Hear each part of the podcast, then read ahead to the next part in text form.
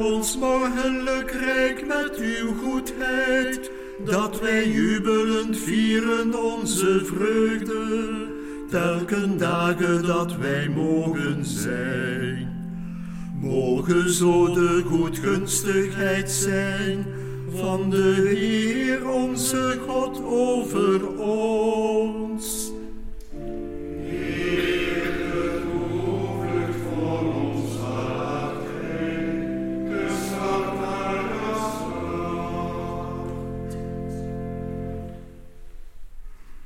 Mogen de Vader van barmhartigheid zich met zijn volk verzoenen, u verre houden van alle kwaad en u volharding schenken bij het goede dat gij in zijn naam verricht.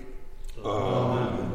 En zegen u, de Almachtige God, Vader, Zoon en Heilige Geest. Amen. Adem allen heen in vrede. Wij danken God.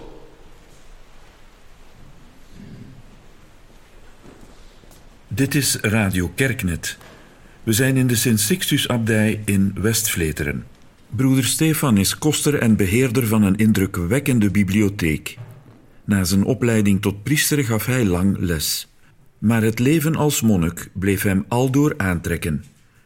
Dit is de zevende en laatste aflevering van West-Vleteren. God is begin en einde. Ben dus 28 jaar werkzaam geweest in bisdom. Dus ook wel op parochie. Ik stond op school, maar deed in het weekend dienst op parochie. Na die 20 jaar onderwijs ben ik dan volledig naar de parochie gegaan. Samen was het 28 jaar vooraleer ik hier ingetreden ben. Ben ingetreden in 2000. Ik ga je maar verklappen. Van die 28 jaar ben ik 24 keer op retraite geweest in een of andere abdij. En de vier overige keren, daarvan ben ik drie keer in Frankrijk naar Thésée geweest. Ook een kloostercommuniteit zal ik het nu maar heten. En ben ik ene keer, heb ik een retraite gedaan in een kluis in La Fagne, bij ons in de Ardennen. Dat is een karmelgemeenschap van zusters die ook in kluisjes leefden. En dus met enkele hasten konden we daar zijn en kregen we ook zo een kluis toebedeeld. Waarom vertel ik dat? Iedere keer dat ik uit de retraite terugkwam, dan was het telkens alsof ik mijn wekker terug moest opwinden om me opnieuw in de pastoraal te gooien ja, dat, dat liet mij niet los. En ik ben dus in verschillende kloosters gewoon een week op retraite. Ook meteen een beetje te kijken, hoe draait dat hier, hoe gaat dat hier? Zei, ja, ik denk, als ik ergens intreed, dat trappisten wordt. En met name zelfs Westvleteren. Zo. Hè? Maar vraag me niet waarom. Ik was ook in Westmalle geweest, ik was in Orval geweest, in Rochefort ook. En dus na dat verblijf hier, als ik hier vertrok na die periode, ja, dan ben ik wel vertrokken, maar is mijn hart hier gebleven, als ik het zo mag zeggen. Dan was het wel eventjes heel moeilijk. Mogen zo de goedgunstigheid zijn van de Heer onze God over ons.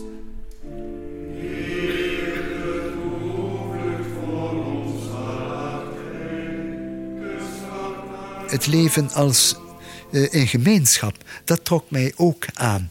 Wat ik dus op die, ben ik nu ja, iets meer dan twintig jaar hier, wat ik op die twintig jaar hier heb ondertussen verder ontdekt heb, is dat dat samen zijn van zoveel afzonderlijke broeders, dat dat juist de rijkdom is, denk ik, van onze gemeenschap. We brengen allemaal wat anders in. Dat alles samen maakt, denk ik, dat mensen hier vinden dit is een broedergemeenschap. Maar uh, op zijn Vlaams gezegd, ik jeun me hier. Dus uh, het stil samenleven heb ik mogen ontdekken. Ik verlangde daar dus naar, maar heb ik ook mogen ontdekken als een enorme waarde. Ik denk dat we juist in de stilte elkaar ten volste respecteren. Wij komen allemaal, we zeggen soms om God te zoeken, maar omdat God ons naar hier geroepen heeft. En wij proberen niet van hem weg te lopen. met de nadruk op proberen, als ik naar mezelf kijk. Maar juist in, in de stilte, denk ik, spreekt hij het sterkst. Eh, ik zou zeggen, het is een grote gegevenheid. Als ze hier verstoord wordt, als ik hier geen stilte heb, is omdat ik ze verstoor. Van binnen, soms nog meer dan van buiten. Van alles wat kronkelt binnenin mij, die de stilte wegblaast. Aan gedachten, aan gevoelens of wat ook, waar ik dan hem niet meer hoor of geen ruimte laat dat hij mij aanspreekt. Goh ja, misschien moet ik wel zeggen zo'n een innerlijke, een innerlijke plek die voor hem is, of die ik probeer voor hem te reserveren, en waar hij ook bij mij komt. Hij komt ook bij mij als ik mag zingen met woorden van de psalmen of van een lied of zo, dan weet ik hem daar ook. Maar uiteindelijk, als ik zeg, ja, hij zingt in mij, hij kan maar zingen als ik zwijg. Ik geloof echt dat God er is, gewoon als ik nu maar terugkijk waar hij mij gebracht heeft. En de weg die hij met mij gegaan is. Alles, of het weinige, wat ik heb mogen doen of heb kunnen doen in mijn leven, ik geloof echt, dit komt niet van mij. Er is iemand die mij stuurt en aan wie ik mij vastklamp, maar nog veel te weinig doe. Mijn momenten zeer weinig. Dat weet mijn biechtvader wel best. Bedoel ik. Ik ben naar hier gekomen om bij hem te zijn, maar Stefan loopt regelmatig weg.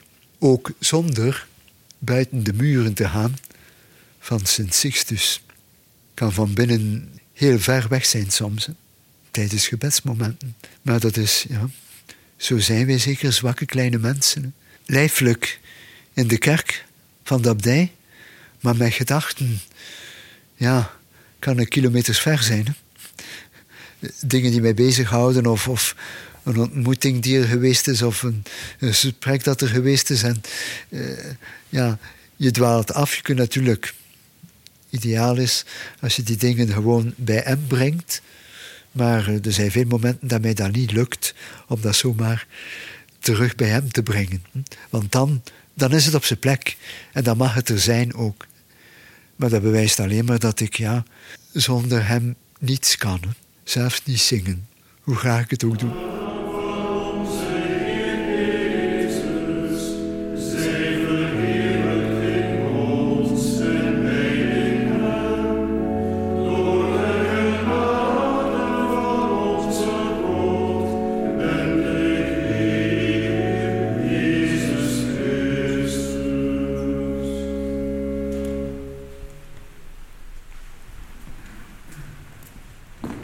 Ik destijds naar het seminarie ging, zijn we ook met meerdere begonnen. Ik heb verschillende mensen uit mijn jaar zien vertrekken. Toen dacht ik, hé, als die gaat en die gaat, en ik blijf nog. En ja, zeker als dat dan mensen waren naar wie ik ook een beetje opkeek, om, om wie zij waren. Ik ben gebleven dankzij hem. En hij heeft mij naar hier geloodst. En ik heb uiteindelijk ja gezegd, dankzij hem. En ik probeer elke dag opnieuw ja te zeggen. En de ene dag lukt dat misschien een beetje beter dan de andere. Maar hij laat mij niet los. Ik voel me goed zoals het is. En ik voel me gelukkig. Het is niet zo, ja, ik heb dus ook hier de tijd dat ik het moment dat ik intrad. En zijn ook mensen die met mij begonnen zijn, hier ook, die ook vertrokken zijn. En dan denk ik soms, alleen goed, ja, je wilt het nog verder doen met mij. Blijkbaar wel. En dan denk ik soms, ja, dan zullen mijn medebroeders mij nog een beetje moeten uitstaan. maar uiteindelijk, ja, waar het niet dat hij ons samenbrengt, ja, dat was geen gemeenschappen. Want daar vlogen we elkaar zo in het jaar, in het haar. Van de morgen tot de avond. We zijn allemaal naar hier gekomen om, ja, dat we ons allemaal geroepen voelen door hem om hier te zijn. Ook ik, voor mij zijn er gekomen, na mij komen er op de jaren dat ik hier ben, toch bij bepaalde momenten, ik bedoel vooral cruciale momenten zo, uh, waar je zegt, kijk, ja, hier gaat het nu om, of, of hier ja, is daar echt die broedergemeenschap. Op die momenten voel je Ja, zijn echt gemeenschap. Ik heb hier de tijd dat ik hier ben een aantal broeders, medebroeders, weten sterven. Eh, het er naartoe leven, daar naartoe. Of als het moment er is, op dat moment zelf. Daarbij zijn de betrokkenheid van iedereen. De wijze waarop dan de uitvaart en ook de voorbereiding daarvan zo gebeurt. Dan zeg ik, kijk, ja, eh, hier ligt die broedergemeenschap op. Naar mezelf kijk, het moment waarop ik het heel sterk gevoeld heb, is precies op het moment van mijn professie. Op dat moment, heel die viering, voelde ik mij zo gedragen door één man, zal ik maar zeggen. Sterk, heel sterk zo, ja. Dat is omdat iemand met ons bezig is. Dat geloof ik sterk. Heer, houd ons geleven, wees onze redder. Gedenk allen die gij vandaag uit dit leven tot u hebben geroepen, schenk hun het eeuwig geluk. Heer, houd ons in leven, wees onze redder. Het ergste, als het dus werkelijk om, uh,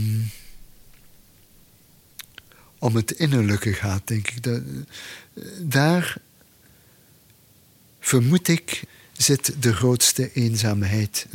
Sterker dan een eenzaamheid die zou voortkomen uit conflict met iemand of zo, maar je eigen gevecht om, om elk moment weer ja te zeggen. Ik denk dat kan je wel af en toe in eenzaamheid brengen.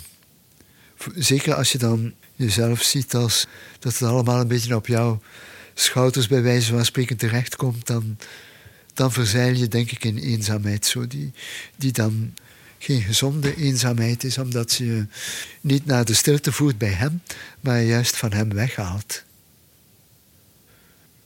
Ik ben nu net 73 geworden.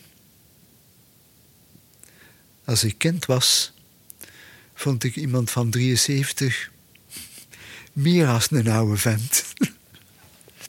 Met de jaren is er misschien bij mij een klein beetje wijsheid binnengekomen. Maar ik vrees de dood niet. Ik geloof dat we zowel in leven als in dood in Gods hand zijn. We zijn daar straks begonnen met dat lied. God heeft het eerste woord, God heeft het laatste woord. En dan de vierde strofe, oorsprong, doel en zin. Sedert ik, ja, 70 geworden ben en ook daarnaartoe en meer dan 70, mag ik elke dag dankbaar zijn dat ik leef. En ben dat ook. Ja, dat maakt, het is vreemd om te zeggen, dat maakt mij minder bang voor de dood. Dus ben in Gods hand. Ja, ik geloof vast dat die, de mensen die mij voorgegaan zijn, dan die ook in de hand van de Heer zijn. En een tweede iets, of een derde element misschien, dat bij mij, denk ik, zeker meespeelt, is dat ik en familiaal, en dan uiteraard ook via de jaren in de pastoraal, regelmatig met de dood geconfronteerd geweest ben. Van mensen, van dierbaren.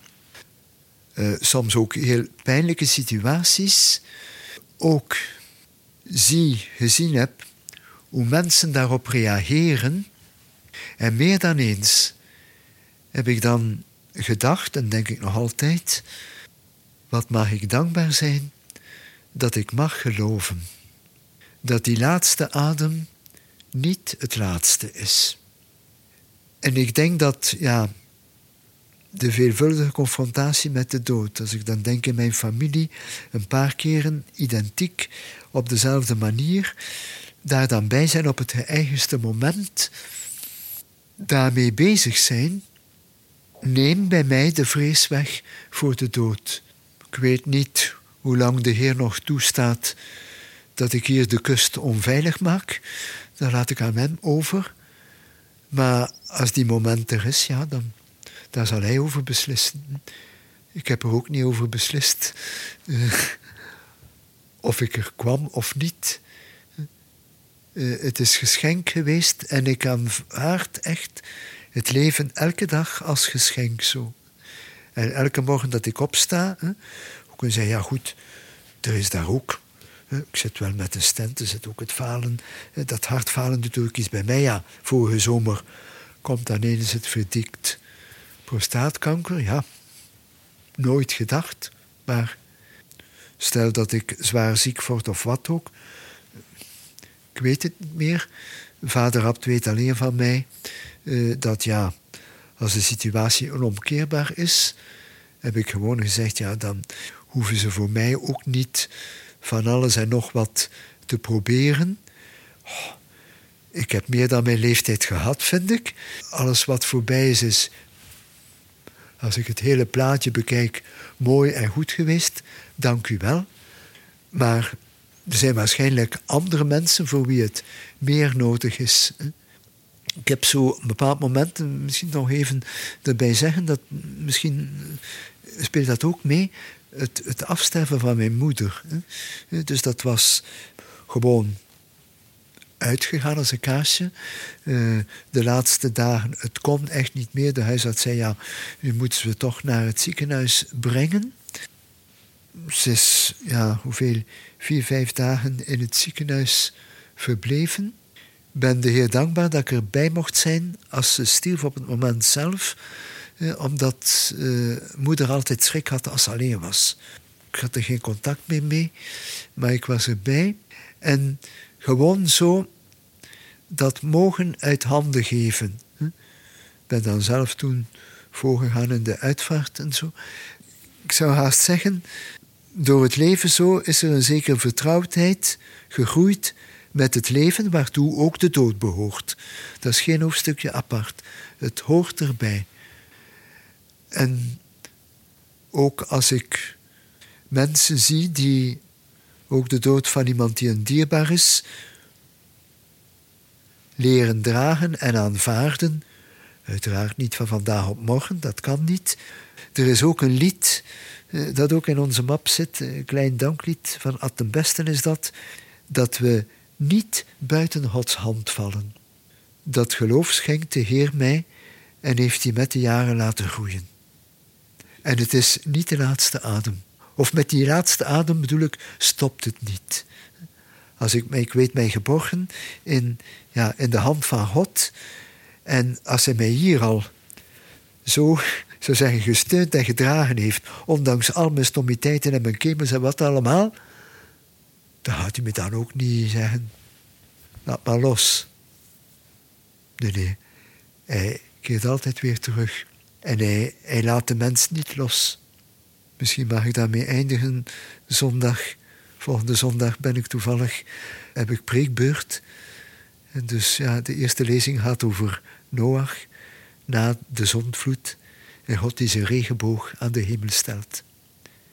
Hij zegt, kijk, ik engageer mij ik ga nooit meer de mens vernietigen. Ik neem het altijd voor de mens op, mijn verbond met jou. Als teken daarvan die regenboog. Ik heb van op de hang van ons kamers hier al meerdere keren een prachtige regenboog mogen zien. Het is een beeld, het is een teken. Dat is het verbond, de band die God met ons aangaat. En ik zou zeggen, ja, voor wij die geloven, proberen te geloven met vallen en opstaan, is dat onze enige zekerheid. En de dood maakt mij echt niet bang. Gij hebt, o God, dit broze bestaan gewild hebt boven het nameloze mij uitgetild.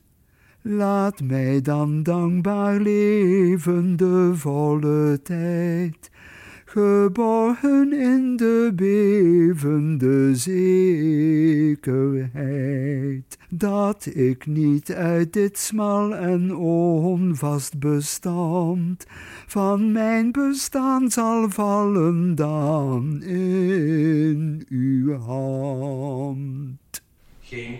getuigenis afleggen, alle mensen in ere houden en een ander niet aandoen wat men niet wil dat aan zichzelf geschiet. Zichzelf verloochenen om Christus te volgen, zichzelf harden, geen grote waarde toekennen aan genoegens van vasten houden, armen te eten geven, een naakte kleden, een zieke bezoeken, een dode begraven. Wie in nood is, te hulp komen, troosten wie treurt zich afkeren van de wereldse manier van doen. Niets verkiezen boven de liefde van Christus.